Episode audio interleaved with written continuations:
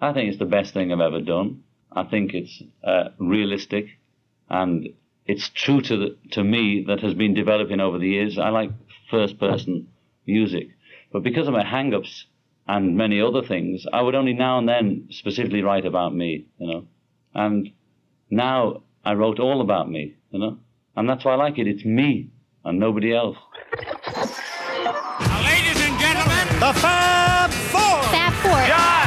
Fab Four. George, Ringo. Fab Four. Fab Four. we have for you the Fab Four. Fab Forecast.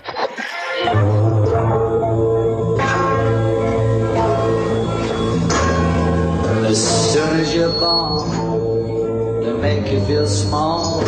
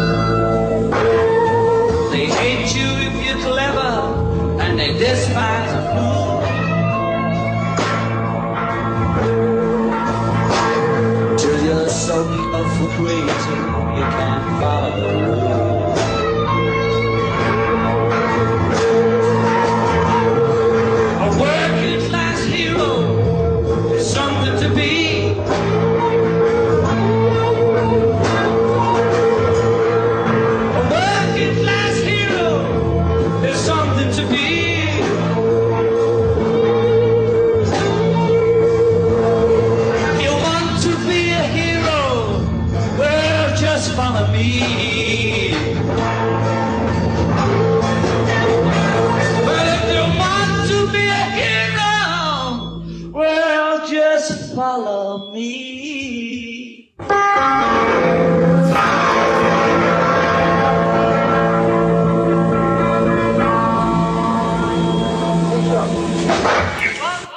Fab Forecast. Fab Forecasters, welkom, welkom, welkom bij weer een nieuwe show van Fab Forecast. We zitten hier natuurlijk weer met de usual suspects. Michiel. En Kees. Yes, welkom. En we zijn eindelijk weer een keertje neergestreken in Hilversum in de studio. We hebben natuurlijk de laatste shows eh, vanuit huis opgenomen. Scheelt mij weer een stuk extra montage, jongens. Dus eh, dat is toch wel fijn. Het is altijd leuk om elkaar gewoon zo te kunnen zien. hè? Ja, We moeten elkaar ook weer zien, inderdaad. Ja. Dat was ook alweer een tijdje geleden. Ja. En we zitten hier op eh, 18 juni 2021, de 79ste verjaardag van eh, Paul McCartney. En wat gaan we doen? Ja. Een show over ja. Plastic Oh, ik- Ono Band. Ik dacht dat jij taarters zou hebben meegenomen. En dacht ik, dat, dat zou jij toch doen? Ja, we kijken ook naar Michiel, maar goed. ja Michiel. Helaas. Ja, ook niet meegenomen. Nee, ook niet. Nee, Nee. nee. Nee, We zeiden wel net van eh, wie zou het oudste worden. Hè? Ja, Top. ja, ja, ja, het vermoeden hier onder de, onder de, de- Eh, Wie dacht even Ik dacht Ringo, ja. Ja, Ja. ja, maar ik dacht toch Ringo hè, is in het verleden toch vaak ziek geweest, drank, aan de drank geweest. Dat is McCartney, ja, we- eh, nou ja, het, is, het wordt een race tegen de, tegen de tijd. Hè. Het is heel erg, het is vreselijk, ja. De- Dat ze zo oud zijn al, hè, Ja. jongens. Ja. Ja. Maar blij dat ze er nog zijn in ieder geval. ja. Ja, Plastic Ono Band, 1970 jongens. Eh, John's eerste echte solo-album. Hoe staat hij bij jullie eh, aangeschreven eigenlijk? Veruit als beste. Van zijn solowerk dan. Hè? Oh ja? Ja, vind ik wel. Ja, vind ik wel. Hij is heel persoonlijk. Het, het is eh, gelukkig dat Spectre geen eh, galm en, en, en, en, en toestanden omheen heeft gebouwd. Maar gewoon puur John Lennon.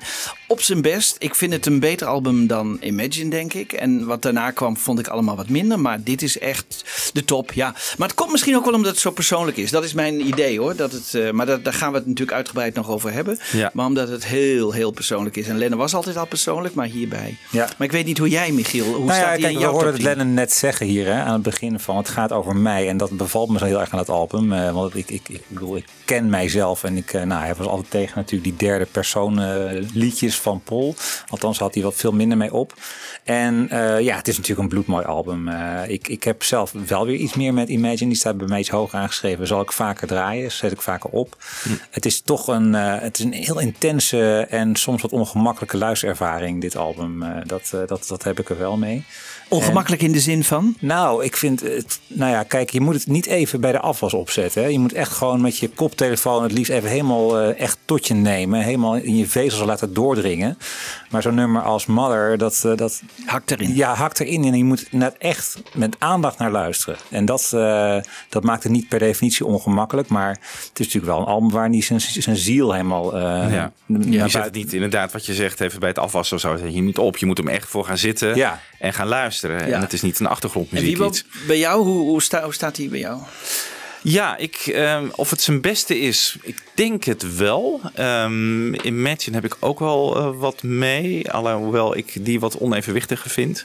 En misschien net iets te veel geproduceerd. Dat hou ik hier wel van. Dat het gewoon echt zo puur is. En Double Fantasy is toch ook wel een... een Ja. ja. Ja. ik denk toch wel dat dit mijn favoriet van, van Lennon ook is. Ja. Wat ik me wel afvraag, hè, we hebben ja, Jan Kees, je hebt aan het eind van de Lennon-podcast die we in najaar hadden gemaakt vorig jaar, zei hij van, nou ja, wat is de kracht van Lennon is dat hij zijn, eh, hè, hoe die over zichzelf zingt, maar er toch iets universeels van weet te maken. Hm. En misschien mis ik dat een beetje op dit album. Ah ja, dat zou kunnen. Hè, want het Ja, is ja. natuurlijk zo bloedpersoonlijk. En misschien zo'n nummer als Hold On of zo. Daar kan je nog wel iets van steun aan ontlenen. Maar Mother of God of... eh, nou ja, eh, Ja. Dat, hè, Ja. dat soort nummers zijn natuurlijk... Het is allemaal hoogst persoonlijk. Ja, dat, is, dat is wel zo. Maar muzikaal is het ook heel mooi. Ik bedoel, hè, Ja. ben ik toch... Ja. Ja, ik vind hoe eh, Klaus en Ringo eh, spelen Oh, jongens. echt heerlijk. Heerlijk. Ja, lekker Echt. strak. Ja, fantastisch. Ook minimaal, ook niet overbodig. Niks is overbodig. Nee. Eh, Ono heeft een minimale Eh, nou ja, inbreng.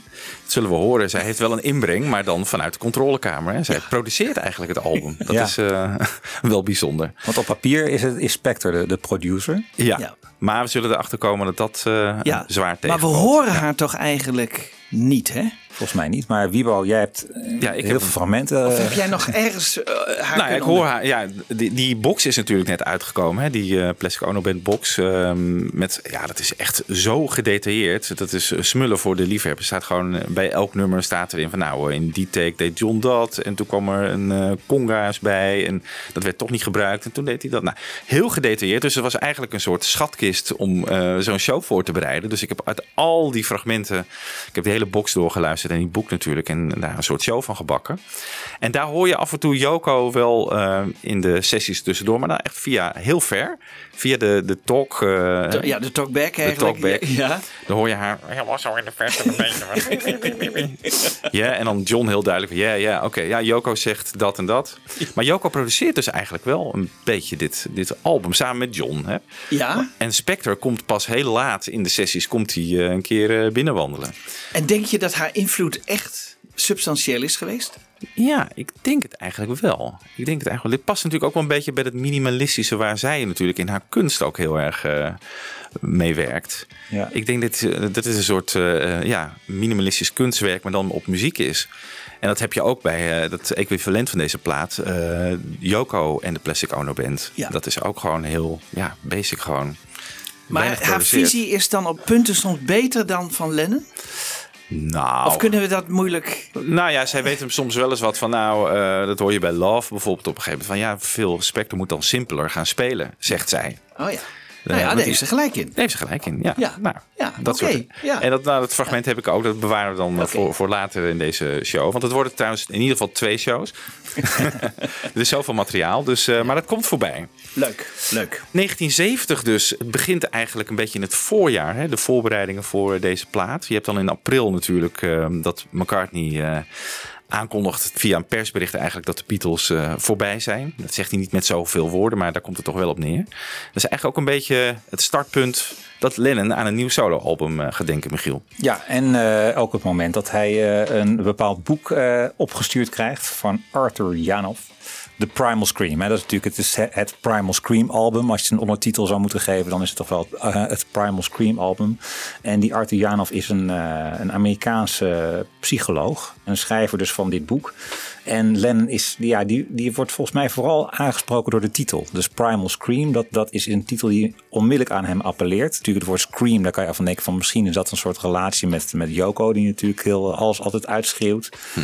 En hier is eigenlijk een man die in een boekwerk heeft uitgewerkt eh, wat zijn therapie is, zijn, zijn methode om eh, ja, mensen eigenlijk hun allereerste levenservaringen, voor zover die ongunstig waren, om die te laten herbeleven. Maar ik denk dat het het beste is als we Arthur Janov, die zelf eh, nog best oud is geworden, in 2017 is hij overleden op 93-jarige leeftijd. Er zijn een paar mooie fragmenten van hem op te vinden op het net. En eentje, eh, daar legt hij zelf even uit wat, ehm, ja, wat zijn methode eigenlijk eh, inhoudt. I'm going to talk a little bit about what primal therapy is. It's um, gone into many incarnations over the years, but basically, it means that we have needs that we're all born with, and that when those basic needs are not met, we hurt. And when that hurt is big enough, it's imprinted in the system, it changes our whole physiologic system. And then what our therapy does is go back to those early brains, the hurt brain, and relive the, the pain and get it out of the system. Because meanwhile, the pain is being held in storage and just waiting for its exit, so to speak. So primal therapy was a way of accessing our feeling brain and down below even the feeling brain into the brainstem to get to all the hurts that start very early in our lives and bring them up to the to consciousness for connection and integration. And what we found a way to do is to go back to those times and relive those pains and get them put them back into connection and integration in the system. What I think primal therapy is doing is different is that instead of pushing back feelings with tranquilizers and drugs, we let the feelings up. It seems to me the most logical thing to do. So that instead of tranquilizing feelings, we're liberating them. And that's a big difference. Dat vind ik wel interessant, hè? het laatste wat hij zegt. Eh, hè, Lennon maakt natuurlijk in de eindjaar, vanaf eind jaren 60 verschillende fases door. Op een gegeven moment is, die, is, is eh, de Maharishi de grote goeroe. Daarna, ik denk nou, al, weet- al een beetje daarvoor, maar zeker daarna eh, is het toch een vlucht in drugs. En als dat eh, ja, ook niet ergens toe leidt, dan gaat hij eigenlijk in therapie. En eh, ik denk vroeg of laat moest hij wel in therapie, denk je wel. Ik bedoel, Ja. ik kan je wel voorstellen dat hij ergens een psychologisch gevalletje is eind jaren 60, toch? Ja, Ja, zeker. Ja. Dus, En ja, ik vind dat wel interessant, want hij zegt van ja, die vlucht in drugs eh, helpt hem niet. Dus hij gaat, eh, het wordt toch een vlucht in therapie. De eerste keer gaat Arthur Janov naar Tittenhurst. Hè? Dus eh, daar, daar vinden de eerste therapie-sessies plaats. Eerst krijgt hij het verzoek, eh, althans Lennon krijgt het boek opgestuurd. Is, wil onmiddellijk gewoon eigenlijk, heeft vrij snel het idee van hier moet ik wat mee gaan doen. Nodigt Arthur Janov uit. Arthur Janov zegt van nou, ik ben niet zo geïnteresseerd om naar Engeland te komen. Kom maar naar mijn eigen praktijk in Amerika. Kom, kom daar maar naartoe. Wijst dus even af. Maar wat blijkt zijn beide kinderen, zijn van 10 en 13, zijn grote Beatles fans. Ze zeggen van, dit moet je niet zomaar afslaan. Oké, neem het vliegtuig naar Amerika. En daar beginnen dus de eerste sessies in Tittenhurst. En later gaan ze dus terug naar Amerika om de therapie voor te zetten. En eh, nou ja, als op een gegeven moment daar de regering moeilijk gaat doen en de visa niet verlengt van John en Yoko, moet Lennon eigenlijk de therapie voortijdig afbreken. En dat is ook wel een kern van het probleem. Hè? Dus eh, die therapie, zegt hij, doet normaal gesproken 13 tot 14 maanden. En Lennon heeft uiteindelijk vijf maanden van, eh, van gevolgd. Hij is, en, en daarover zegt Janov later ook van we hebben hem eigenlijk opengelegd, zijn ziel opengelegd. Maar we hebben het niet afgerond. We hebben de therapie niet afgerond. Dus dit album wordt eigenlijk opgenomen op het moment dat hij volop in therapie is, is, geopend. Als zijn emoties zijn weer blootgelegd. Maar het proces is niet afgerond. Dus het is ook een beetje, het is in letterlijke zin een therapeutisch album. eh, Ja. ehm, waarin die zijn emoties, ja, op, ja, die komen natuurlijk aan de oppervlakte, die moeten eruit. En het tragisch ook wel een beetje dat hij uiteindelijk eind van 1970 wel weer aan de drugs gaat. Hè? Dus, Ja. dus, Ja. dus Het is dan niet toch weer- afgerond- Het is niet af, nee, die therapie maakt hij niet af. En dan gaat hij dan toch, ja, misschien weer andere middelen vinden. Maar het was misschien wel niet zo'n mooi album geworden als hij die therapie had afgemaakt.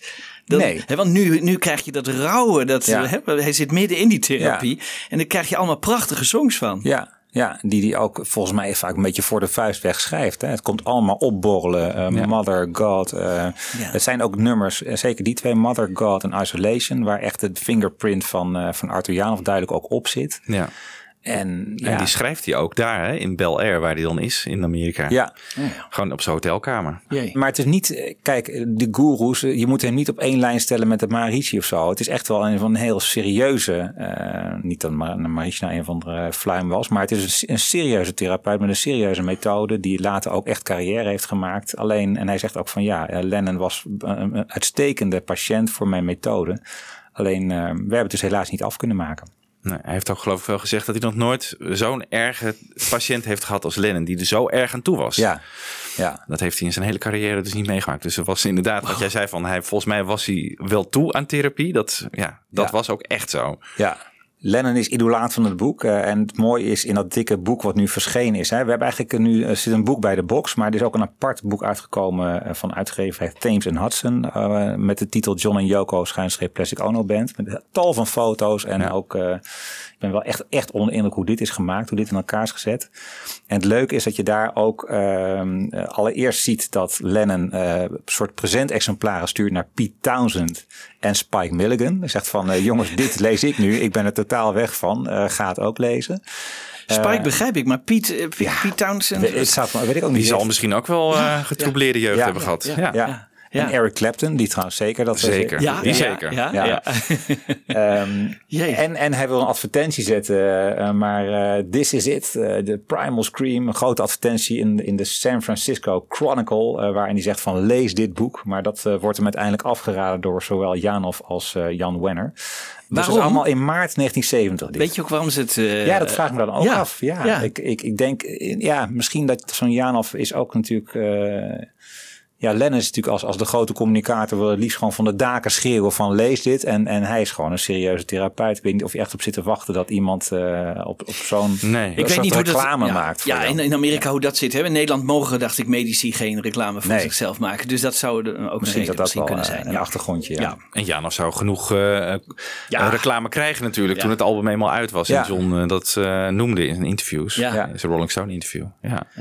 Ja. Dus er zijn, er zijn allerlei verhalen gaan er, zijn er gaande over die sessies. Ehm, hoe dat gaat daar in Amerika, hoe dat gaat in Tittenhurst. Ehm, een verhaal is bijvoorbeeld dat uh, Janov er zou op hebben gestaan dat John en Yoko de eerste 24 uur apart van elkaar verblijven, even los van elkaar komen. Een verhaal is dat Janov zegt dat hij in contact moet komen met Julian en Cynthia en dat Yoko zegt van dat wil ik niet, want dan pleeg ik zelfmoord. Een verhaal is dat uh, Janov um, uh, uiteindelijk ook een beetje gebrouilleerd raakt met Lennon, omdat hij de, de, sessies wil tapen. En Lennon zegt van nou nee, ik ben een Beatle, uh, je gaat mij niet kermend over de grond en schreeuwend uh, op film zetten.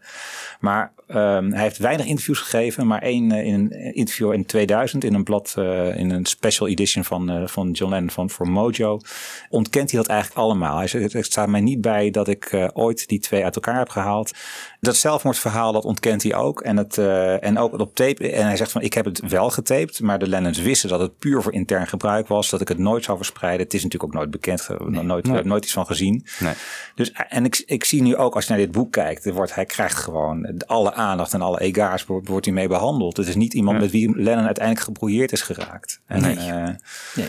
En die verhalen komen volgens mij ook een beetje in de wereld door, door het boek van Albert Goldman. Maar die moet je dus allemaal een beetje met een kooltje zout nemen. Want ja. uh, Janov zelf ontkent dat. Maar John heeft het dus nooit afgemaakt. Ook na dit album niet. Hij had ook niet het geduld, denk ik, om 15 maanden lang. Nee, dat is niet nee, nee, nee, nee, nee, Maar dat lijkt me dus ook wel in zekere zin riskant. Je begint ja. zo'n ja. zo, zo hele. Toch, ja, het is eigenlijk gewoon een operatie. Dat je op een operatie staat en de wond wordt open. En uh, daar gaan we naar huis. Ja, precies. Ja, je ziet de patiënt de straat op terwijl die eigenlijk nog niet hersteld is. Ja.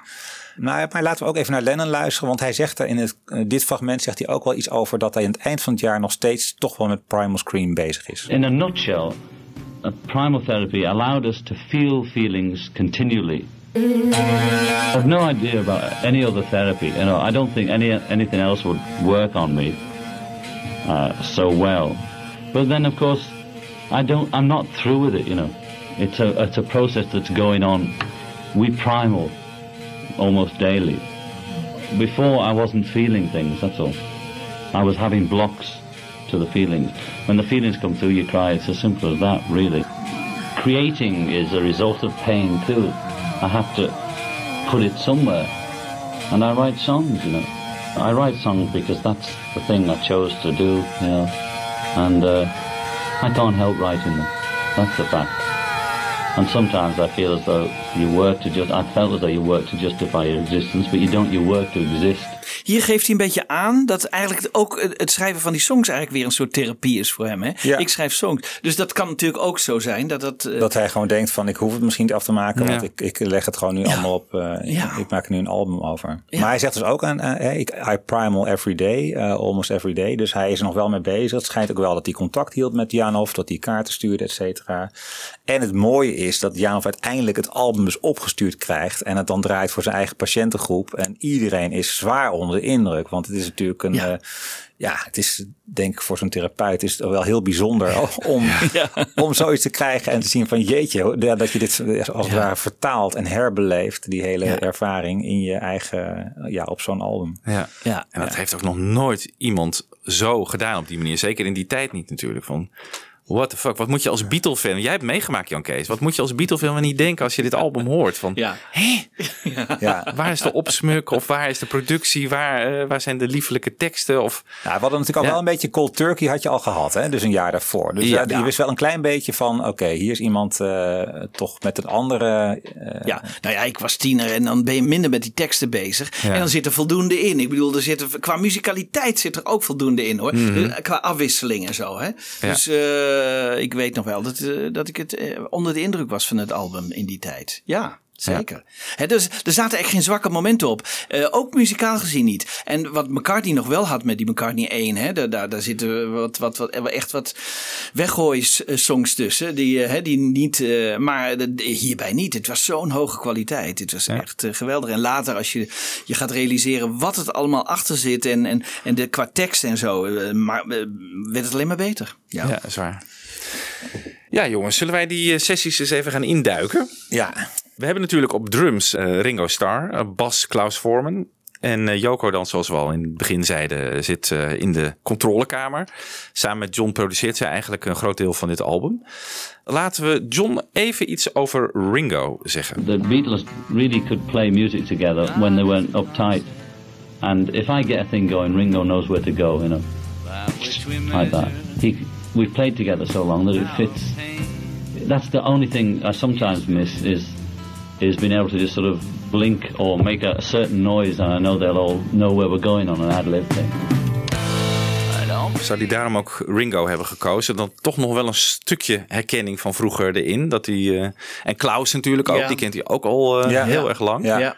Niet als bassist, maar wel als persoon. Dus hij Ja. heeft wel een soort veilige Zeker. mensen. Ja. Abbey Road neemt, wordt het in opgenomen. Ja, ook met ook veilig. technici van eh, Ja. Abbey Ja, Road. Die Phil die ook in- McDonald en dings. Ja, ja, Ja. Richard Ja, Rush. Ja. Ik denk ook als je jezelf zo blootlegt, dan is het heel fijn om omringd te zijn. eh, ook door muzikanten die jou kennen. En die met jou eh, Ja. al, al jaren met jou teruggaan eigenlijk. eh. Ja. Dus Ja. ja. dat klopt. Nou, en Ringo was ook wel wat dat betreft vanuit muzikaal oogpunt wel een eh, logische keuze, denk ik. Want die is natuurlijk geen flashy drummer. En het, wat John voor ogen had met dit album, is gewoon back to basic. Gewoon heel simpel. Maar ja, strak, ja, dan moet je Ringo hebben Ja. natuurlijk. Ja. Alhoewel Alan White natuurlijk op Instant Karma ook goed werk heeft gedaan. Maar dat was toch wat, Ja. of wat drukker of zo. Maar, Ja. En die kies hij ook weer voor het volgende album. Hè. Op Imagine is het Alan White Ja. die drumt. Ja, laten we even Ringo kort aan het woord. En daarna Klaus en Yoko over eh, hun rol op dit album. as mainly on this record uh, a timekeeper. You know, it's very straight, very few fills. I mean, there's a few lift in the track occasionally, but uh, the basic job on, on this record was just holding it down wherever John wanted to take it, you know. People were supposed to listen to the words, listen to the song, and get into the feel of this. In my mind, I had this thing about the fact that his voice, he didn't need anything else, just the voice. Ja, die stem. Dat is natuurlijk het belangrijkste instrument op deze plaat. Nou ja, de sessies die begonnen op 26 september 1970. En eh, de plek eh, waar het allemaal gebeurt is Abbey Road Studios dus. En Studio 3. Dus dat is geloof ik bovenin, eh, toch, Jan Kees? Eh, Ja. Nummer 2 namen ze altijd met de Beatles op. Ja. Hoewel Revolver ook eh, in 3 is opgenomen. Maar het is een wat, wat kleinere studio. ja, de Beatles hebben er veel gewerkt. Ja, Ja. ja. het Hey is Bulldog met- is met- daar opgenomen, het clipje toch? Ja, bijvoorbeeld. Ja, daar kun je het aan herkennen. Ja, ja, ja, ja Nou, precies. misschien ook wel fijn, een wat knussere setting, wat veilige setting, wat dicht bij elkaar en zo. In plaats van die grote hal van Studio 2. Ja. Ja. Ja. Het wordt gewoon opgenomen op een eh, acht eh, sporen recorder. ja, het is eigenlijk een hele simpele setup. Hè? John op piano en zang en gitaar en Klaus op bas en Ringo op drums. Phil Spector staat op het plaat als producer, maar die komt eh, pas eh, twee weken later, eh, op 9 oktober, op Johns verjaardag, komt hij een keer aanwaaien. John en Joker doen samen productie, zoals ik zei. En Phil McDonald en Richard Lush, die zijn eh, engineer, de technicus, dus die ook veel met de Beatles hebben gewerkt. Nou, als je die sporen eh, een beetje bekijkt, eh, wat op welk spoor zit, nou, dat is ook allemaal vrij standaard. Eh, track 1 en track 2 eh, zijn voor de drums. Dus de drums, het linkerkanaal en het rechterkanaal zit op spoor 1 Ja, en dat is 2. nieuw. Dat is nieuw, hè? Want Abbey Road hebben ze één keer hebben ze stereo Oh ja. drums opgenomen, maar nu is het dus hè, dat de drums ook in stereo worden opgenomen. Dus dat is wel leuk. Dat wel leuk. dat was ja. daarvoor dus niet zo. Ook niet op Abbey Road. Ja, op Abbey Road één, één nummer of zo, maar hè, met, met Ringo met zijn drum solo, maar de rest allemaal nog mono. Ah, oké. Ja. ja. Nou ja, spoor 3 de bas. En daaromheen laveert John eigenlijk een beetje met, ja, met zijn stem, met uh, gitaar, piano en overdubs. Er zitten dus wel overdubs op deze plaat. Hoewel ik ook een quote van John heb gehoord die zegt van... eh, There was no overdubbing. Just my guitar, a bass and drums. Or my piano, a bass and drums. Nou, daar zullen we achter komen. Dat is niet helemaal waar. De gitaar die hij speelt is ook wel bijzonder. Ik weet niet of je wel foto's eh, kent. Dat is zo'n ehm, soort dobro, na- national guitar noemen ze die ook wel. Dat is zo'n akoestische gitaar met zo'n metalen Ja. cirkel erom. Die een heel apart, ja, resonerend eh, geluid heeft. Die gebruikt hij voor het merendeel ehm, van de nummers. En het allereerste nummer dat ze opnemen is Mother. Op Veel zeggen toch? Dat, Ja. eh, ik bedoel, als je het hebt over Ja. eh, de Beatles en altijd hoe belangrijk het was wat het eerste nummer was wat je opnam. Vaak een Lennon nummer natuurlijk. Ja. En dat is hier het ook eh, heel veelzeggend dat, eh, dat Mother het Ja. eerste, Ja. Ja. ja, eigenlijk het, Het nummer Het over nummer. Primal Therapy, toch? ja, zeker. Ja. Ja. Want ja, we hoeven denk ik eh, de achtergronden niet te schetsen hè, over eh, Lennon's leven. Dat gaat hier te ver. Dat, ik neem me aan dat de luisteraars het allemaal kennen en waarom hij het nummer heeft geschreven. Hij schrijft het dus in eh, Bel Air hè, tijdens die therapie-sessies met Janov. En neemt dus in zijn hotelkamer ook een demo op. Laten we even kort naar luisteren. Mother, you had me, but I never had you.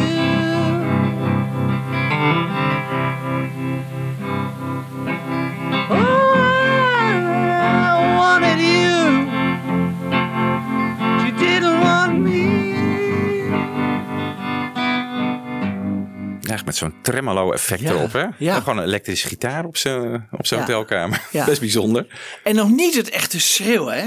Zoals Nee. hij dat later zal doen. Nee, Nee, dus dit is nog Dat is een gewoon beetje... puur om even vast te leggen, denk ik. Ja, ja, ja, ja. Ik weet niet wat eh, zijn buren in het hotel ervan gedacht hebben, maar gek op een eh, elektrische gitaar hiernaast. In eerste instantie worden er 61 takes opgenomen, best veel, hè? Met eh, Lennon op piano. Ehm, eh, John Lennon die eh overdubt zijn vocals op eh, take 61. 61 wordt dus de, de master eh, take in eerste instantie. En neemt dan een ruwe mix daarvan mee naar huis. En laten we even luisteren naar een fragment van die mix. You had me, but I never had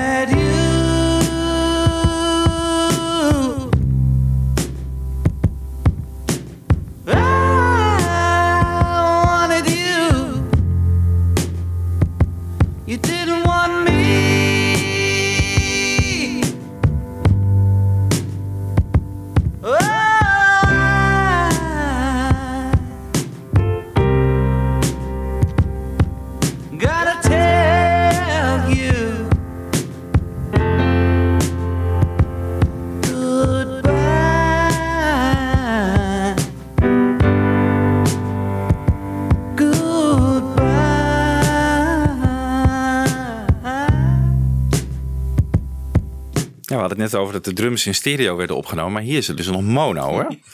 De Ja. switch komt hierna. Hierna denken ze van, nou, dat is misschien toch wel een goed idee om ze in stereo op te nemen. Ah ja. Maar dit, eh, deze... Het is dus niet zo even een mixje gemaakt, eh, een snelle mix, waardoor ze misschien... eh, Nee, ze vonden dit van al die 61 takes dus de beste. Ja. En John heeft daar toen zo'n zijn vocalen daarop maar omdat jij zei, het is een ruwe mix die hij even mee naar huis heeft genomen. Ja, dus dan klopt. kan het misschien zijn dat... dat maar, Nee, het is mono opgenomen. Tenminste, oké, dan, nee, als ja. ik het boek moet geloven. Oké, nee, nee, is goed. Ja, maar hierna gaan ze dus de, de drums in stereo opnemen. Nou, ze denken dus in eerste instantie dat dit de master is. Maar dat we zullen merken dat eh, hij hierna eh, nog wat meerdere pogingen gaat doen.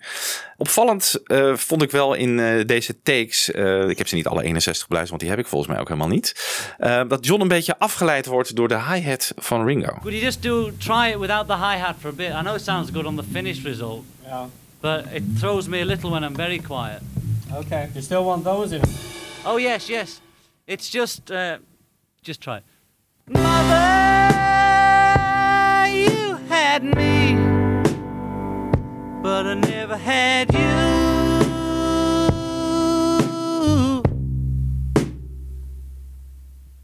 Why have you all stopped?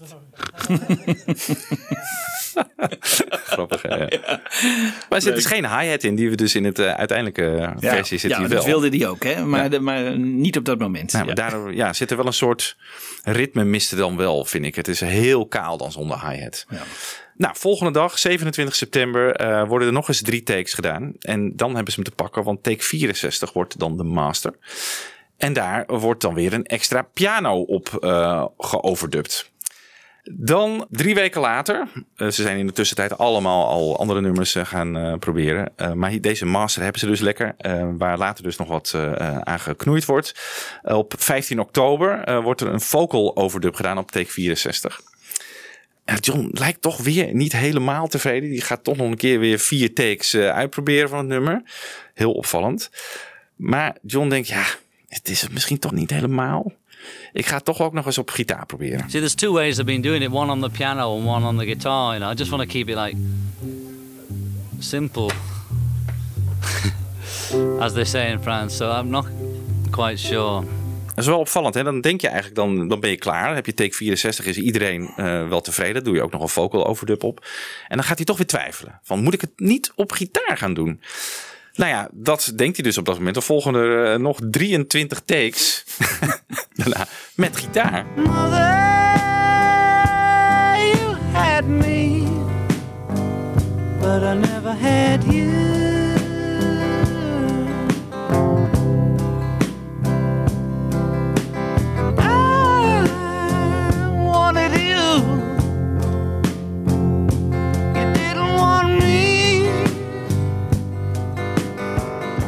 Ja. toch minder, hè? Ja, vind ik veel minder. Ja, Ik, ja. Snap, ik snap niet dat hij teruggaat naar gitaar. Piano echt nee. stukken indrukwekkender ook. Dat hij het ook niet meteen door heeft, maar nog, eh, nog Ja. 23 takes nodig heeft om te besluiten Ja. van nee, we gaan toch terug naar die piano. Ja. Ja. Ja, Ja. gek. En Ja. dat die take 64 dus blijkbaar niet goed genoeg is. En hoe komt dat? Nou, waarschijnlijk is hij toch niet helemaal tevreden over het eerste couplet. You had me, but I never had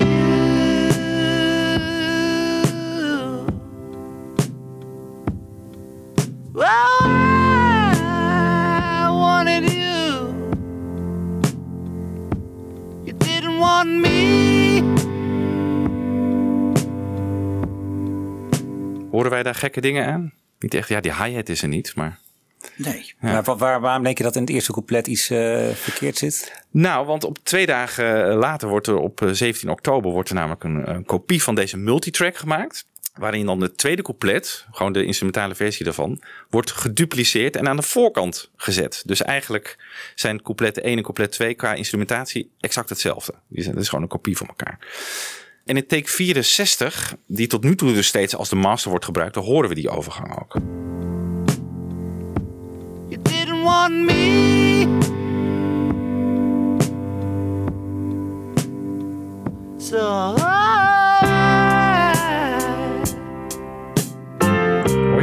komt die hi-hat eh, bij in. Ja.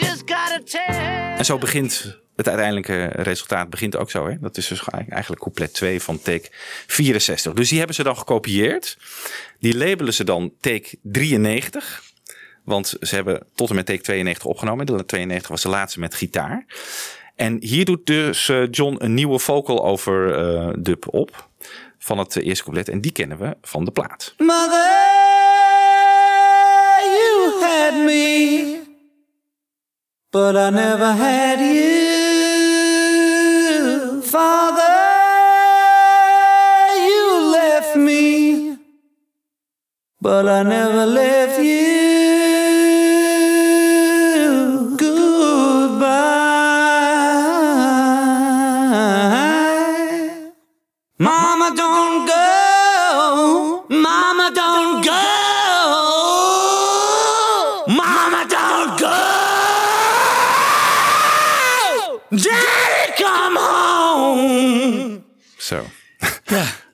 Vreemds aan de hand, want je hoort de galm wel tijdens zijn zingen, maar aan het eind wordt hij gelijk afgekapt. Hè? Dus ehm, hij laat hem niet doorklinken, de galm. Dat verbaast mij eh, eh, hierbij. eh. maar misschien is dat... Is dat bij elke regel zo of niet? Ja, bij elke regel. Bij elke regel. Ja, ja dus je hoort hem niet naklinken, maar wel tijdens het zingen duidelijk galm. Maar goed, dat kan ook zijn... Een, een, Het was ook een montage van me natuurlijk van gedeeltes uit de vocal track. Misschien dat het daaraan ligt. Ja, het zou kunnen. Het zou kunnen. Ja. Nou, die vocals die komen op spoor 6 en 7 terecht. En eh, technicus John Leckie, die zit er dus ook bij. Die ken- die kennen we ook nog wel uit eh, de Beatles tijd. Die vertelt nog iets over het inzingen van Mother. John would come in each the end of the session each evening. He'd have a go at the vocal on Mother, you know, put Mother on. I'd have to drop in at that point, and he would he would go for the vocal because it would it was really raw on his voice. He'd do the screaming, and it'd always have to be at the end of the night because you know after that he couldn't do anything. He'd lose his voice. Ja. Ja, dat kan je je wel voorstellen. Ja. Eigenlijk is het een beetje een soort uh, McCartney- twist and shout uh, Oh. revisited, of niet? Oh, Eh, ja. aan het eind van de sessie, als een stem totaal eh, aan- kan worden geshred, dan... eh, Ik dacht een beetje aan McCartney, die ook zo'n rauwe stem wilde hebben met Helter Skelter. Hè? De- En Oh Darling, maar die begint dan Nou, aan het begin van de dag. Ja, die begint, ja, nee, ja, maar, wel, maar wel verschillende dagen. En dat Ja. hoor ik hier Lekkie ook zeggen, dat Lennon dat ook deed. Ja, Ja, ja. verschillende dagen, klopt. Ja, hij wilde dus perfect hebben. Dus kostte waarschijnlijk ook heel veel energie. Ja. Ja, als je ook hoort hoe die eh, schreeuwt op het eind, dat is echt niet normaal. Ook een beetje eh, overstuurd Ja. qua eh, Ja. opname. Ja. Ik denk dat de leveltjes in het rood schoten erbij. En wat ik zo indrukwekkend vind aan het nummer is dat zeg maar, de hele ritmesectie blijft gewoon nog steeds dat kalme, rustige. Daar, daar verandert niks. Hè? Misschien Nee. zet de drums een klein beetje aan, maar dat blijft zo basaal. Ja. Het stuurt naar een hoogtepunt alleen maar in de vocalen van, eh, van John. Ja. Door hoe hij, wat hij ermee doet. Ja, ongelooflijk. Ja. Ongelooflijk. En daarom is het misschien ook wel zo mooi. Dat, dat contrast tussen die twee. Ja, het is echt ongelooflijk. Ja, fantastisch nummer. Ja, absoluut. Ja. John heeft nog niet helemaal die gitaar losgelaten, dus ehm Blijf wat door, hè? ja, gaat er maar over. En eh, experimenteert nog wat met de gitaar in, eh, in het laatste stuk. Laten we even luisteren.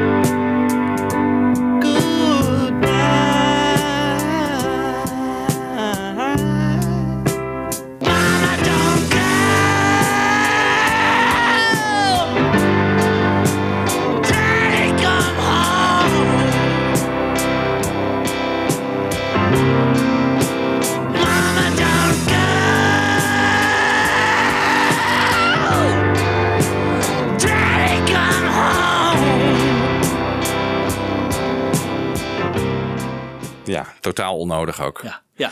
Vonden zij ook, dus die overdubs zijn gelukkig niet gebruikt. Maar wat hij eh, wel doet om, denk ik, de dramatiek nog wat te versterken, is dat John op een aantal sporen nog meerdere piano's gaat opnemen. Om echt, denk ik, in dat laatste stuk gewoon echt drama van doen, doen. Ja, weet je wel? dat is bijna weer specterized, hè? Ja. ja, ja. Terwijl die nog niet op... eh, Ja, die is er nog niet. Die is er nog Nee. niet, maar eh, ja. Nou, dan hebben we nog aan het eh, begin natuurlijk die karakteristieke kerkklokken. Hè? En John vertelt even wat hij nou precies daarmee eh, wilde bereiken. The beginning of Mother, the beginning of the album has this bell going dong, dong, dong. It's a church bell which I slowed down to 33, so it's really like a horror movie. And that was like the death knell of the mother-father Freudian trip. Oh, and that's another thing. You see, I want to put this bell on the beginning of it, so I'd have to go bong, bong. So I don't know how the fuck we do that. All you have to do is count it in and then just do do that, you know, and then you can put it on another track like where you Go bong, bong, bong like that. It's just by the time I've counted it and and to, and all that, I've forgotten what I'm doing. You know, is there some way we can count back and just put that bell on some other time, Philip? Because I get too confused. I must just get in the mood, not all that technical shit. mama, mama, mama.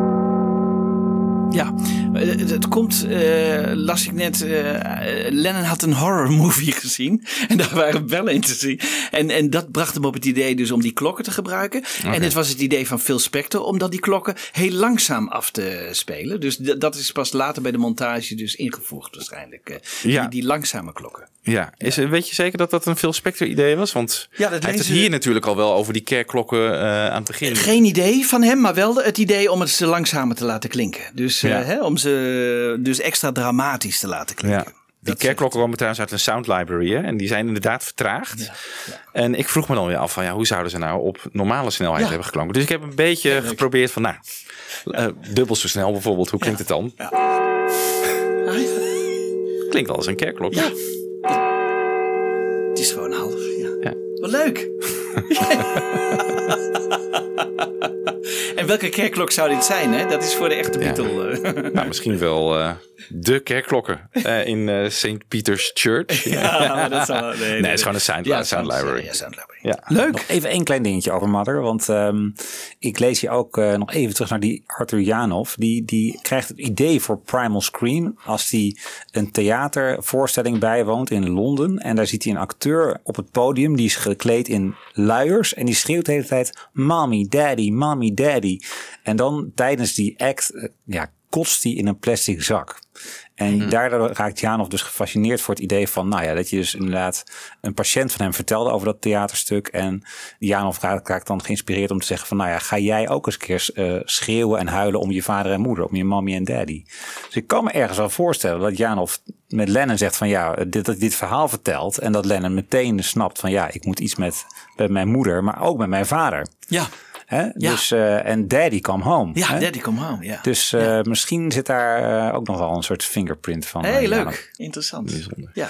Nou, dan staat Mother op band en is het eh, tijd voor het volgende nummer. Dat is Working Class Hero. Ja, ik heb het altijd een beetje een, een ergens een moeilijk te begrijpen nummer gevonden. Van eh, hoe bedoelt hij het nou? Heb je dat nou ook of niet? Is het, eh, hij zegt ergens van in het boek van ik bedoel het cynisch. Ik bedoel het. eh, wat hij eigenlijk volgens mij wil zeggen is, en dat is natuurlijk wel het geluid wat Lennon vaak heeft verteld, maar wat, George Harrison volgens mij ook wel eens heeft verteld. De leraren op de basisschool die willen eigenlijk alleen maar dat je een brave burgerman wordt. Hè? Dat je gewoon braaf doorstroomt in de middelklasse. En maar als je maar hard genoeg werkt, dan kom je er wel. Ehm, en daar verzet hij zich tegen. Het was een soort waarschuwing volgens mij eh, naar de jeugd toe. Van wees gewaarschuwd dat dat soort mensen op je pad komen. En verzet je er tegen. Volg je eigen pad eigenlijk. Ja, precies. Ga Dat niet op in de massa of Nee. zoiets, maar gewoon, ja. Ja. Ja. Maar dan zegt hij dus working, a working class hero is something to be. Dat is zeg maar, dat bedoelt hij volgens mij niet cynisch, maar dat bedoelt hij echt van je moet in een working class blijven. En als je daar een held bent, dan ben je gewoon, als je maar trouw aan jezelf blijft, dan hoef je daar niet voor te schamen. Is dat wat hij daarmee wil zeggen? Moeten we het echt heel letterlijk nemen? Want meestal bij, bij Lennon natuurlijk wel, maar in dit geval. Hij is natuurlijk geen working class Nee, hero. nee, hè, ook want hij komt helemaal niet uit die working class. Middelklaas is hij natuurlijk. Hij is middelklaas, ja. ja. Maar het is Ja. misschien wel van, eh, ja, working class hero is something to be. Eh, je hebt de keuze om het te zijn. Dus als je het wil zijn, dan kan je het zijn. Ja. Een, een hero. Je kan boven het maaiveld gaan uitsteken. Ja. Ja. Als je moeite doet. Ja. Maar hij ziet zichzelf ook als een working class Ja. hero, Ja. toch? Ja. Eh, Ja. ja. Ja. ja. Dan zegt hij ook van, if you want to be a hero, well, just follow me. Dus Ja. inderdaad, dan, dan Ja. volg je eigen pad. Dat heb ik ook Ja. gedaan. Ja. Ja. Ja, oké. dus dan misschien snap ik het dan iets beter. Eh, Ja, een middle-class hero is something to be was dan denk ik iets minder sexy. ja, Ja. maar hij zegt natuurlijk ook van, but you're still, hè, die mensen die hem dan, eh, pro- die je dan proberen over te halen. eh, ja, dan zegt hij over, you're still fucking peasants as far as I can see. Dat vind ik Ja. ook een moeilijk te plaatsen zinnetje, Ja. want een peasant is nou juist iemand, Een boer, eh, ja. een boer. Ja. Eh, bij uitstek working class. Eh. Maar goed, volgens mij bedoelt hij, je doet dan wel alsof je in de middelklasse bent, maar je bent zelf ook nog maar, je, je stelt zelf in de... Is dat niet gewoon dat die leraar en, en gewoon mensen die hoger in de hiërarchie staan, die zeggen van nou John, jij moet dat en dat en dat doen. Ja. Je kan jezelf van boven mij gaan plaatsen, maar je bent gewoon een, een fucking Je bent- peasant. Ja, Ja. As far as I can see. Dus eh, hou je bek. eh, ik, bek. Ik, ik, ik volg mijn eigen pad. Ja. Oké, dus je moet Denk het ik. wat, wat inlezen, maar ehm, zo krijgen we een beetje grip denk ik op dit nummer, ja. Een beetje een Dylan-esque nummer, zo heeft eh, Jan Wenner ook wel eens tegen hem gezegd. Ja, klopt. On Working Class Hero, it sounds like a, like an early Dylan song. Well, anybody that sings with a guitar and and just sings about something heavy would tend to sound like Dylan. I'm bound to be influenced by those because that's the only kind of really folk music I ever listened to. I never liked the fruity Colin, Judy Collins, and Baez and all that stuff, you know. I, I, so the only folk music I know is those "Hum, dun, the minor dungaree, you know, that sort of about miners up in Newcastle or Dylan. So in that way, I'd be influenced, you know. But it doesn't sound like Dylan to me. Does it sound like Dylan to you? Uh, only in the instrumentation now. But no, but that's the that's the only way to play. You know, you go jing jing jing jing. Ja, dus het is een makkelijke vergelijking met Dylan natuurlijk. Hè? Dat eh, hoor je hem zelf eh, ook al zeggen. Ja. Het is ook een heel simpel nummer om te spelen. Eigenlijk een beetje één akkoord. Hè, Het is steeds in A mineur is het. Soms ook een beetje in, eh, in G. Maar eigenlijk gewoon een beetje à la Tomorrow Never Knows. Gewoon allemaal hup, Ja. op één, één akkoord. Ja. Nou, ehm, Ja, het geldt voor veel nummers op het album. Ze zijn echt super simpel en Ja. daardoor zo raak en effectief. Hè? Dat, Ja. ik bedoel, dat hold on ook. Hoeveel akkoorden zijn het? En love, het is allemaal zo elementair en simpel gehouden. Ja. En toch raakt het je onmiddellijk. Ja. Ja, knap hoor. De opnames dan. Hè? Eh, 27 september beginnen die opnames. De bedoeling is eigenlijk vanaf het begin al helemaal duidelijk. Hè? Alleen John en een akoestische gitaar. Dus er zijn ook geen, eh, geen bandversies eh, of bandrehearsals bekend. Het was gewoon meteen al, hup, John en zijn gitaar. Eh, die dag worden er 12 takes opgenomen. Dit is take 1. Okay, I'll try. Okay?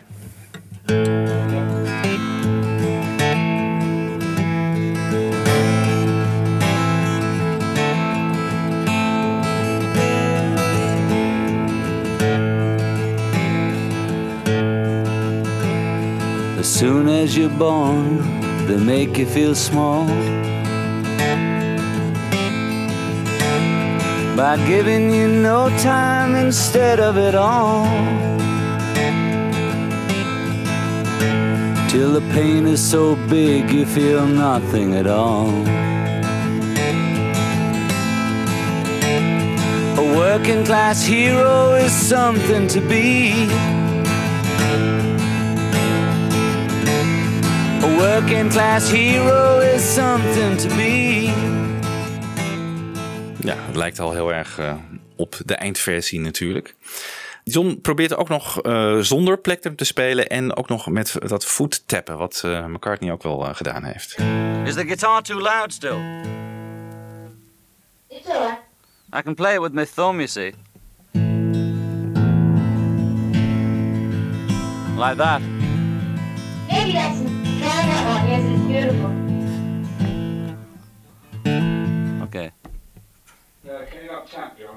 Oh, with my foot, you mean? Yeah. That's impossible. I'll take my shoe off. Still gonna tap a bit. Well, we'll have to do it like Blackbird. You know, your voice is uh, every quality of the voice. Your voice comes out when you're a little bit distant from the mic. Oh, It's okay. very effective. But when you immediate, Yes, the minute yes. you come up, you know. well, that I ha- I close my eyes and I, I find myself there in, in Right, right, by the mic. You see.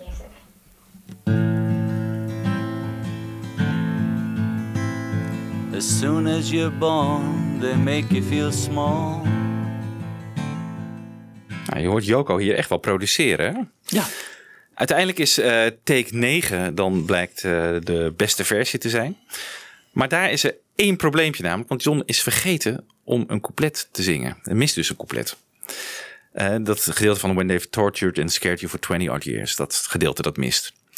Want luister maar eens even naar de originele take 9. Waarin dat couplet dus niet zit. A working class hero is something to be. Keep you doped with religion and sex and TV. Ja, Keep You Doped with Religion. Dat had eigenlijk even wat later moeten komen. Ja. ja. Maar goed, daar komen we zo meteen op terug. Er worden nog drie takes gedaan eh, die dag met het missende couplet. Dus hij neemt die dag wel gewoon in dezelfde setting ook gewoon het missende couplet wel op. En daar blijft het dan voor die dag bij. En dan heb je op drie weken later op 15 oktober komen er weer drie takes. En nou ja, ik denk dat John denkt van nou, dit is toch niet die take 9 van eh, de 27e. Dat is toch de beste. En dan op eh, tien dagen later, 25 oktober, besluit John om die take 9 dus te gebruiken. Maar om het missende coupletten dan maar gewoon in te plakken. Nou, daar is deze sessie dan ook voor. Ehm, drie pogingen worden gedaan. Maar de oorspronkelijke sessie en deze overdub eigenlijk, die liggen een maand uit elkaar. En die microfoons zijn natuurlijk gewoon heel anders neergezet nu. Dus eh, je hebt niet meer het, dezelfde sound als van 27 september. Dus wat krijg je dan? Je krijgt twee takes, die klinken dan heel verschillend.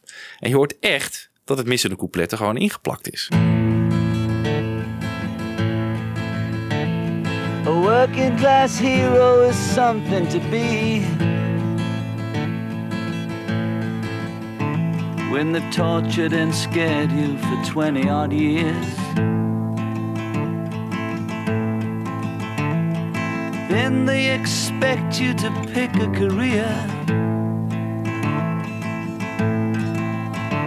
When you can't really function, you're so full of fear.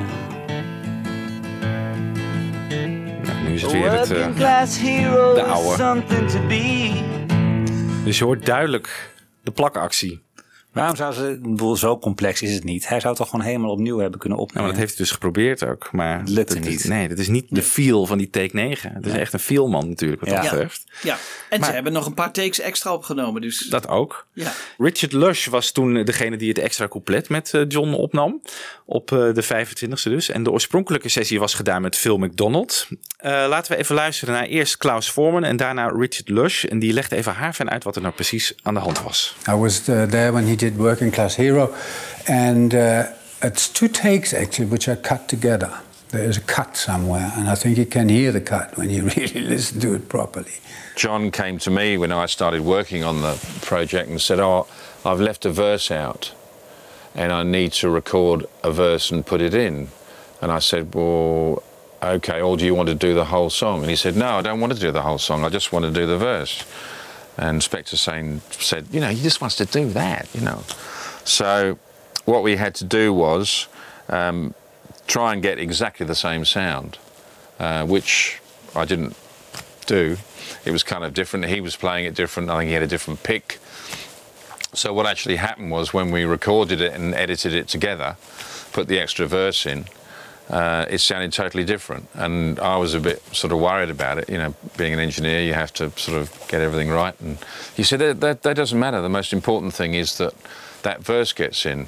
Well, what we actually did was we we we had the the guitar and vocal were on a, a multi-track tape on two tracks of the tape, and what we must have done was played that to John so he could get the tempo and how it went, and then we took that out of out of his headphones, and then he sang the verse, and then we mixed them off and edited them together.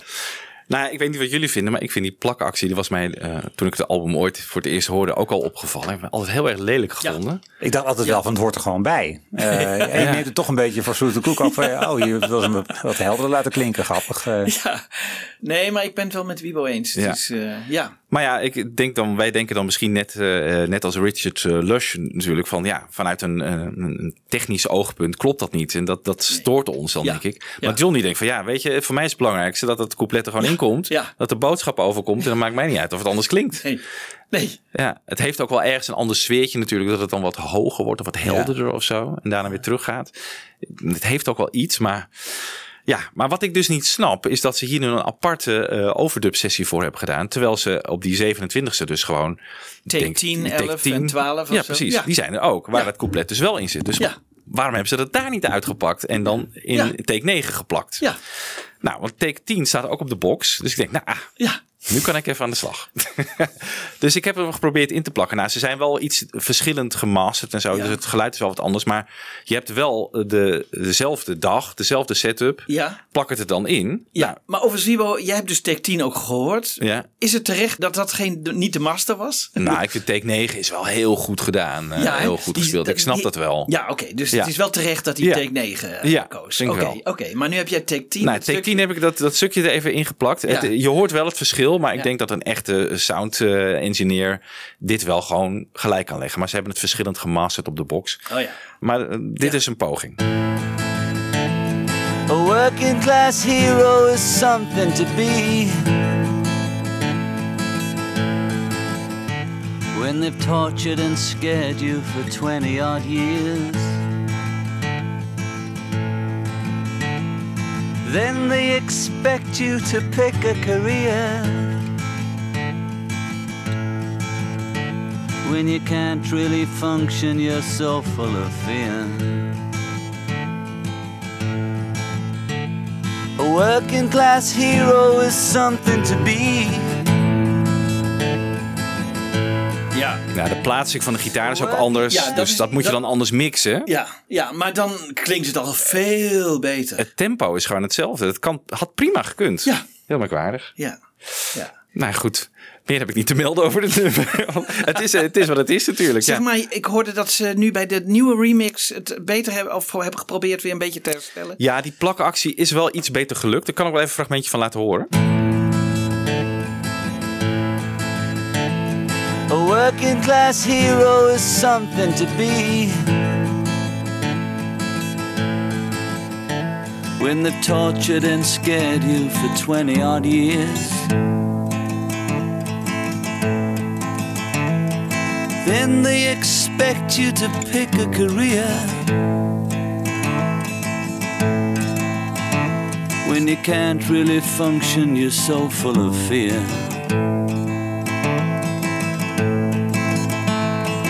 Working class hero is something to be.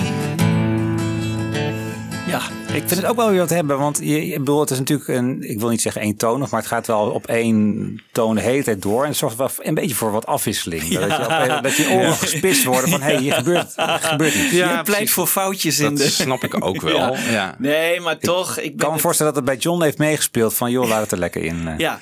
Ja. maar je hoort, de microfoon is net wat anders geplaatst. hè? Ja, ja, hij staat dichterbij. Hij staat dichterbij. Hè? Dichter bij de Staat gitaar. dichterbij, Dichter bij de gitaar. En Ja. zijn stem is net wat anders geëqualized, denk ik, eh, bij eh, de tweede keer. En dat, dat maakt het ook net iets anders. Maar eh, ze komen al een dichter in de Dichter buurt. buurt. Dichter in de buurt. Eigenlijk had ik gewoon een mixje van die take 10 ertussen. Had ik ook op de box wel graag willen Ja. zien. Ja. ja. Maar ja, goed. Dat is dan misschien het perfectionisme wat af en toe ook in mij zit. Terecht. Ja. Terecht, vind Ja. ik. Ja, nou, ik vind het heel, heel raar, want het had helemaal niet gehoeven, zo'n extra overdub sessie. Omdat Nee. je, nee, het couplet lag er al. Ja. En, en dat in 12 takes, of 11 takes dan. Ja. Het is eigenlijk van Working Class Hero maar een hele kleine stap naar het volgende nummer in de- van de sessies. Dat is volgens mij I Found Out, hè? Ja, dat klopt. Ja, ook, ook textueel gezien, zeg maar, zit er een heel duidelijk verband tussen die nummers. Eh, ook interessant dat in I Found Out is ook weer Lennon degene die eh, als het ware doorziet wat de maatschappij met een grote groep, met, met jongeren wil doen, zeg maar. En hij waarschuwt ze eigenlijk daarvoor van, ga niet mee met hun eh pleidooien voor het volgen van een bepaalde religie of en volg Hare Krishna niet. Ehm, hij zingt ook letterlijk, now that I showed you what I have been through, don't take nobody's word what you can do. Dat eigenlijk gewoon eh, Hetzelfde, ligt ja. een compleet in het verlengde van Working Class Hero. Eh, Ja. Laat je niet door andere geluiden leiden, door de geluiden wat anderen zeggen, maar eh, volg je eigen, je eigen Nou, ook een beetje God, hè? Van I don't believe Ja. in. En dan I only believe in myself, Klopt. hè? Yoko Nee, dus en me. Het heeft hier inderdaad in dit nummer nog eens veel sterker, meer, meer religieuze lading. Letterlijk zegt hij ook eigenlijk van, nou niet, Old Hare Krishna got nothing on you. Dus eh, eh, just keep you crazy with nothing to do. Zeg maar de belofte dat er van boven een of andere eh, godheid komt die je zal verlossen. Ja. En die eh eh, There no. Jesus come Ja, fall nee. from the sky. Dus Ja, dat zegt inderdaad. ook, ja. Eigenlijk hetzelfde idee. Van, Ja. eh, bedoel, en hij, hij weet gewoon, dat is nep. Dat klopt gewoon niet, die boodschap. Ik doorzie dat. I found it out. Ja. En daar waarschuwt hij eigenlijk Ja. tegen. Maar dat maakt het dan toch wel weer als een universele boodschap naar veel mensen, toch? Dat wou ik, net, wou ik net zeggen, ja. Ja. Van eigenlijk is dat eh, nog wel, het heeft toch wel iets universeels. Eh, het heeft ook wel iets, eh, too many people, iets prekerigs. Ja. Eh, ik doorzie het. Ik, eh, hè, dus hij, hij, hij is tegen de Jehovah-getuigen. Daar, daar, daar zingt hij in het eerste couplet over. Don't give me that brother, brother, brother, brother. Dus degene die aan je deur staan en je doen alsof ze heel familiair met je zijn en je als broeder aanspreken. Eh, en de freaks on the phone. eh, hè, dus daar is hij heel erg tegen. Maar hij is zelf ook een beetje, ja, toch een beetje zijn eigen waarheid aan het opleggen, als het ware. Ja. toch Ja. aan het communiceren. Ja, Dus, Ju- eh, just follow me. Ja. Ja. Ja, volg mij maar. Ik ben een nieuwe leider. Ja.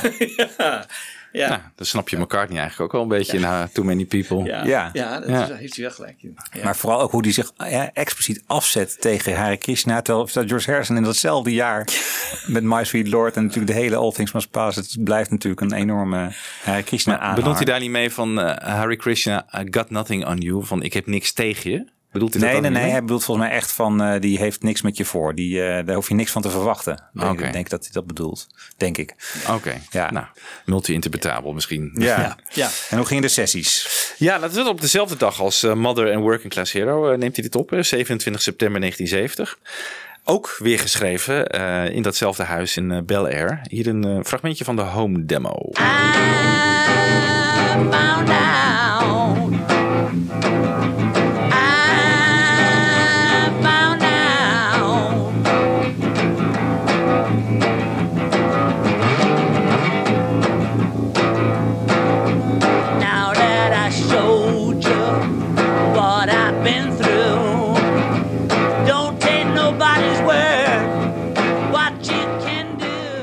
Die, eh, die boosheid hoor je hier ook al een beetje in, hè? In die home demo. Ja. Ja. Echt zo snerend eh, gezongen. Ja. Nou, dit nummer maakt eigenlijk vrij weinig eh, ontwikkelingen door in de studio. John heeft al helemaal in zijn hoofd hoe hij het eh, wil hebben. Nou, op die 27 september gaan ze dus eh, het nummer eh, opnemen. En na een paar keer oefenen, dan komt John eigenlijk al tot de conclusie dat hij die intro, die hele snerpende gitaar, dat hij gewoon lekker alleen moet spelen. Maybe I should do it on my own at the beginning, and then you come in. Okay. I told you before, stay away from my door. Don't give me that brother, brother, brother, brother. The kids on the phone won't leave me alone. So don't give me that brother, brother, brother, brother. No.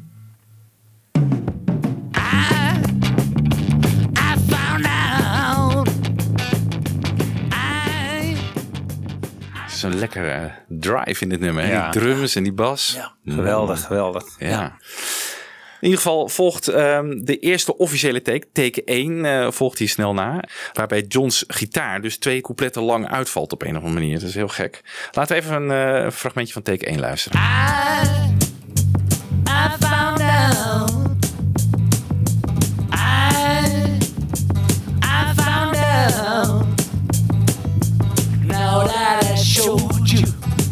What I've been through. Don't take nobody's word. What you can do. There ain't no Jesus. Ja, dan begin je de eerste take en dan eh, valt de gitaar eh, uit. nou ja. Nu eh, staan er in dat eh, boek dat bij de box is geleverd, staan ook foto's van de, de tapeboxen, hè, waar die tapes oorspronkelijk in hebben gezeten, met allemaal aantekeningen erop. Dat is echt wel leuk om, om te zien. En dan zien we bij I Found Out eh, een geschreven opmerking erbij van de technicus. Er staat bij Yoko Samba. Hey. Nou, wat is dat nou weer? Ja. Take 7, die eh, geeft opheldering.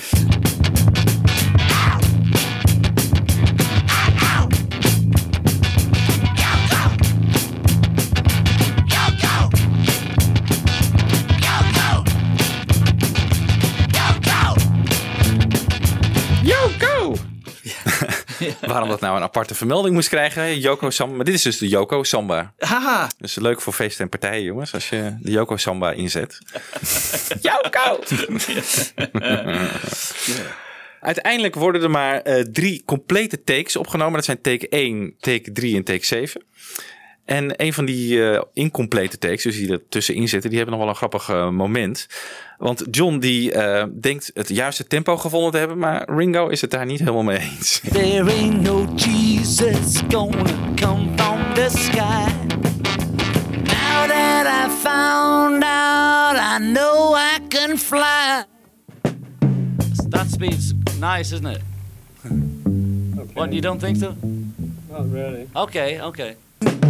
Whoa, I found out.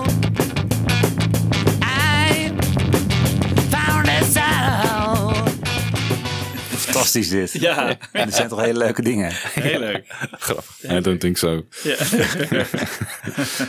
Nou, take 3 wordt de master. Hij doet dus in totaal zeven eh, takes om een goede versie te krijgen. Maar take 3 wordt dan eh, blijkbaar toch eh, gekozen als de beste.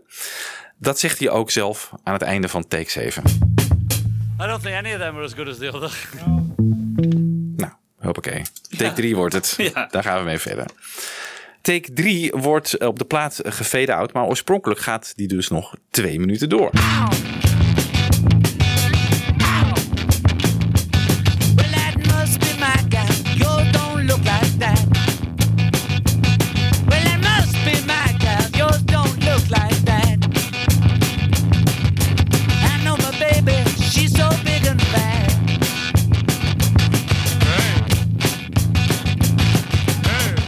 Ja, dus dat gedeelte is, eh, dat horen we dus niet op de plaat, maar dat hoort oorspronkelijk achter waar nu de fade-out eh, zit. En ja, welk nummer zingt hij hier? Ken het misschien wel. Gone, Gone, Gone van Carl Perkins. Oh ja. Well,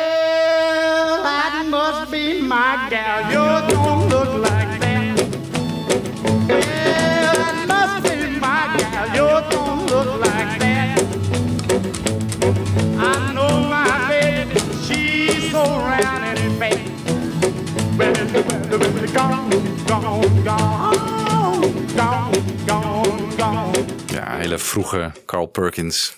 Leuk. Ja. Maar dat is dus waarschijnlijk VF om, vanwege copyright redenen. Ja, natuurlijk Ja. ook denk ik de vocal track wel uit kunnen zetten. En dan had je het niet gehad, denk ik. Dan had Nee, je gewoon maar het is wel dus- leuk. Ja. Hè? Dus wij als fans eh, vinden het toch leuk als we Lennon van dat soort dingen horen. doen. Ja, maar voor Ja. het uiteindelijke product was het misschien niet zo eh, geschikt. Eh, hij zingt trouwens ook nog een stukje My Baby Left Me eh, verderop in het nummer. Dus hij was helemaal into de Sun Records eh, vibe, denk ik. 7 oktober, dat is dus eh, nou, tien dagen later. Dan worden er nog twee extra vocal overdubs gedaan. En ook nog een conga overdub, heel merkwaardig. Maar die zijn nauwelijks te horen in de uiteindelijke mix. Maar gelukkig, de box geeft ze ons wel. So don't give me that brother, brother, brother, brother. I, I found out. I, I found out. Some of you sitting there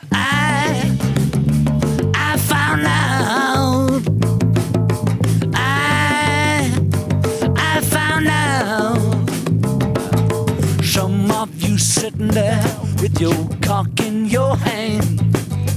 Don't get you nowhere. Don't make you a man. Dus de uiteindelijke mix van die take 3 is eigenlijk gewoon een live opname. Hè? En die conga's en die vocal overdub die worden gewoon niet gebruikt. Dus eh, het enige wat er nog wel wordt gesleuteld aan take 3 is dat er nog wat tape echo op de gitaar komt in het instrumentale gedeelte. En er wordt één tekstregel opnieuw ingezongen.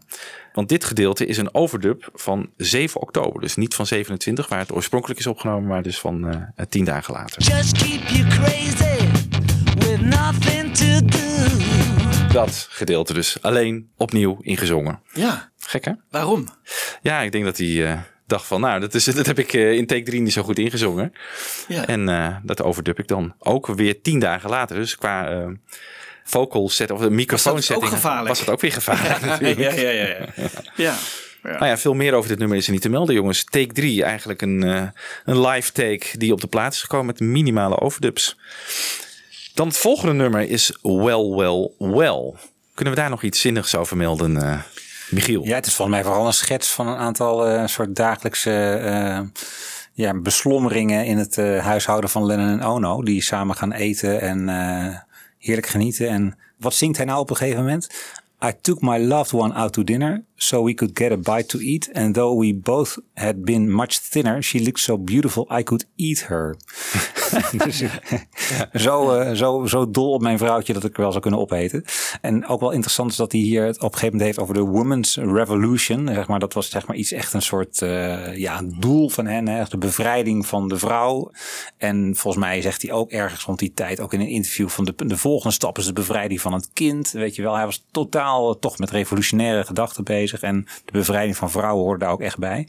Interessant was weer dat ik ook in het boek, dat dikke fotoboek eh, erbij pakte, die, die pas verschenen, waar ik het net over had. En daar, daar gaat het ook over eh Yoko, die dus bij die Instant Karma clip, weet je nog wel, die zit daar met een cotex om haar Ja. hoofd en dan is ze aan het breien. hè? Ja. De- gaat altijd een beetje gedacht van ja, wat is daar in godsnaam? Wat, wat, wat doet ze daar? Wat heeft ze hier nou? Wat wil ze daarmee zeggen? Maar dat heeft ook weer met de bevrijding van vrouwen te maken. Ze wilden gewoon laten zien van wat moeten vrouwen allemaal doormaken in de wereld. Ze zijn eh, ja, geketend aan de wereld. Ze zijn geblind, ge- blindfolded, dus Ja, geblind- geblinddoekt. geblinddoekt. En nog steeds hard werken, want ze moeten breien.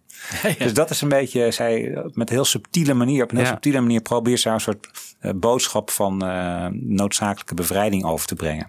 En daar gaat het nummer ook over.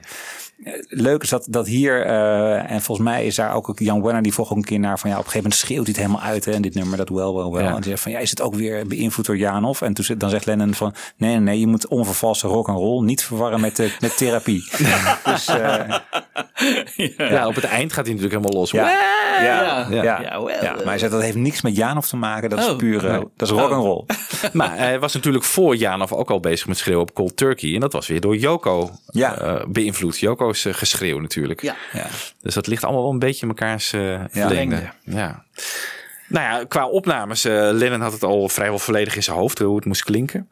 Luister maar eens even naar de, de home demo. Well, well, well. Well,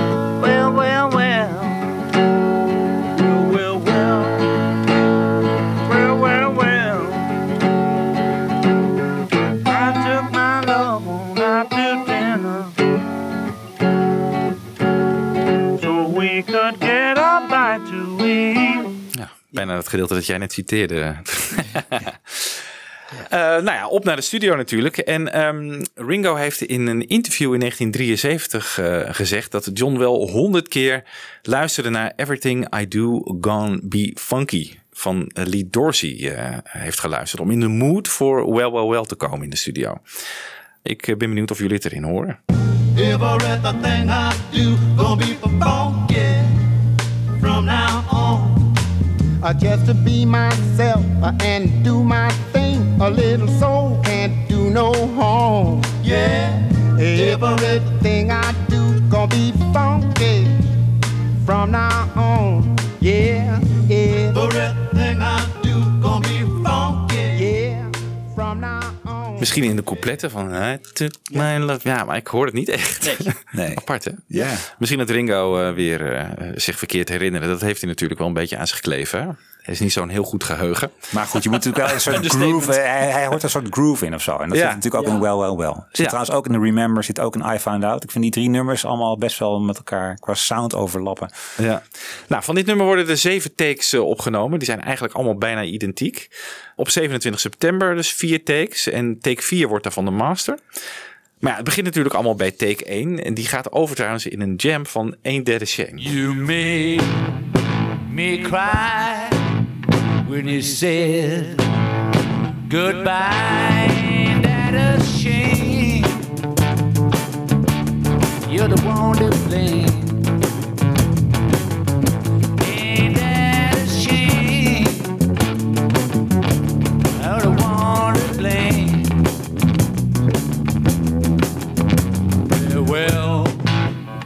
Goodbye. Er valt wel veel terug op eh, oude nummers, hè? Gaan even lekker jammen tussendoor. Gebeurde in de Beatles tijd natuurlijk ook wel eh, regelmatig. Dus wat dat betreft is dat eh, niks nieuws. Uiteindelijk heb je dan eh, de Masters, zoals ik al net al zei, eh, take 4. En die gaat nog weer wat eh, langer door. Ehm, John Lennon zingt namelijk na dat schreeuwgedeelte nog een keer dat gedeelte I took my loved one eh, out to dinner. Dat is dus uit de master geknipt, maar op de box eh, staat hij wel. En die klonk zo. Well, well.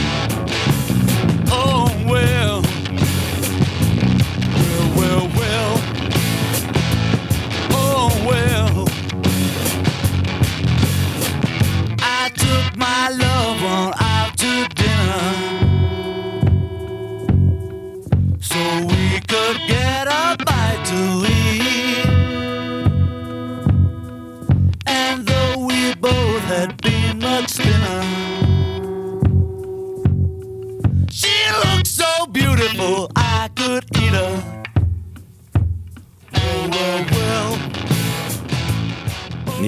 dus, eh, omdat het een herhaling was van een regel die dus al eerder in het nummer zat. Ja.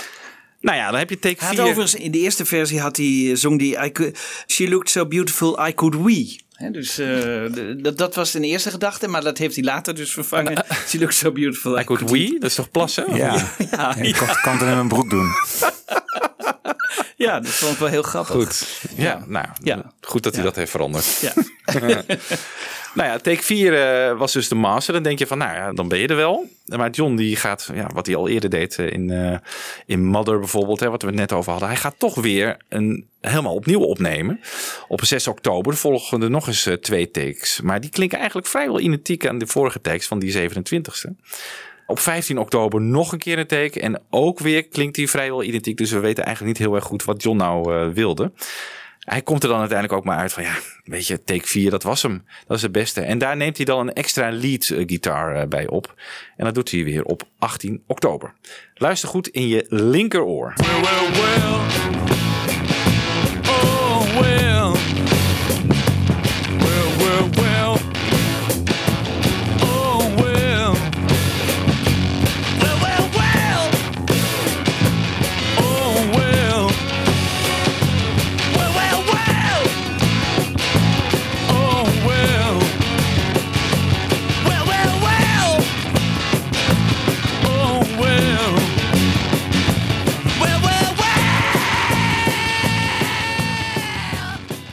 Volgens mij ook niet gebruikt, hè?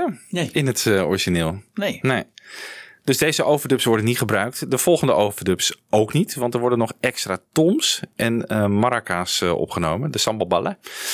We hebben ze wel. Ze staan op de box. Hier zijn de maracas.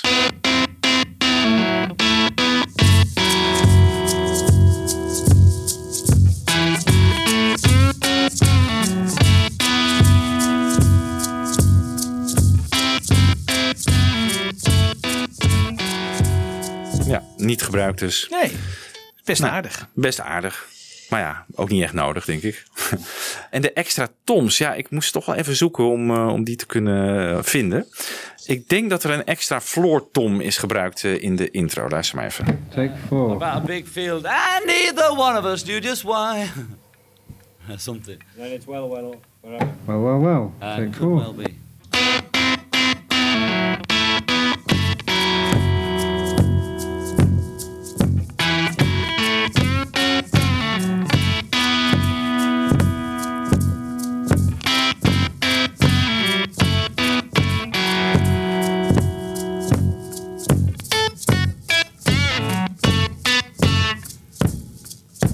Je hoort op het laatst nog een beetje dat ze niet helemaal synchroon lopen. Ik denk gewoon die floor tom, weet je, die lage, dikke tom. zo, pom, Ja. pom, dat die extra gebruikt is. Ja. Technicus John Leckie die herinnert zich trouwens nog wel iets eh, grappigs eh, van tijdens de mastertake. Zit in de classic album eh, DVD van Plastic Ono Band.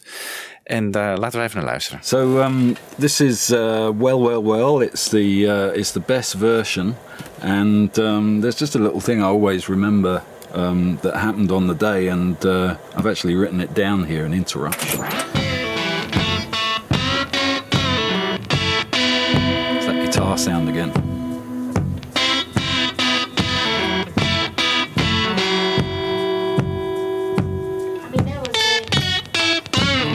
There was a little- Should I play that again? So this is just a little. Um, for some reason, uh, we thought that they were going to be br- stopping or something, and Yoko says, reaches for the talkback button, and this is. I mean, that was very good.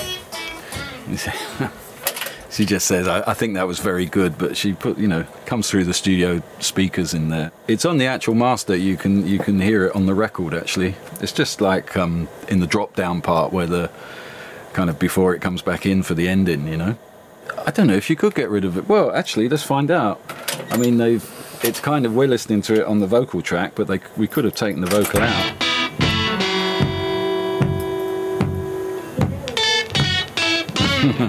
Very faint there. I think uh, John probably wanted it left in. You know, he probably, you know, said, "Let's. That's it." You know, Yoko's on the record. no one complained. You know.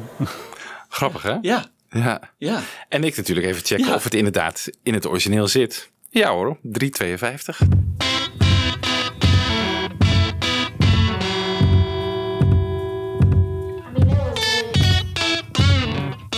Hoorde je? Ja. Ja, daar zat hij. Daar zit er gewoon in. Ja. Had er dus makkelijk uitgehaald kunnen worden, maar hoefde niet. Maar wel een opvallend moment. Ik bedoel, die, die riff is overduidelijk nog niet afgelopen. En zij eh, Ja. gaat gewoon meteen al over, Ja. de, over de... Ja, en die krijgt dan zo'n speaker in de studio. Die, eh, daar hoor je Joko dus Ja, ja. door. Daarom staat het erop. Ja, Ja, foutje. leuk. Ja. Oké, dat was eh, Well, Well, Well. Vrij snel op band dus. Dat is ook het einde van deze aflevering. eh, deel 1 van de Plastic Ono Band. Eh, laten we afsluiten met een live versie van eh, Well, Well, Well. Die John speelde tijdens eh, de One-to-One concert. Aan het begin hoorde je Working Class Hero. We hebben het nog niet eens gezegd trouwens. Het was ook een eh, versie eh, van datzelfde live concert. Maar dan van de rehearsals van tevoren. Oh ja. John heeft dat niet live gespeeld die avond. Maar het is dus wel eh gerehearsed. En, en Mother hebben we ook van die. eh, Mother hebben we ook. Natuurlijk. Zeker. Ja. Ja. En verder heeft hij van dat album niks gespeeld, volgens Nee. mij. Nooit wat live gespeeld. Dus laten we eruit gaan met eh, Well Well Well van de One-to-One Concert.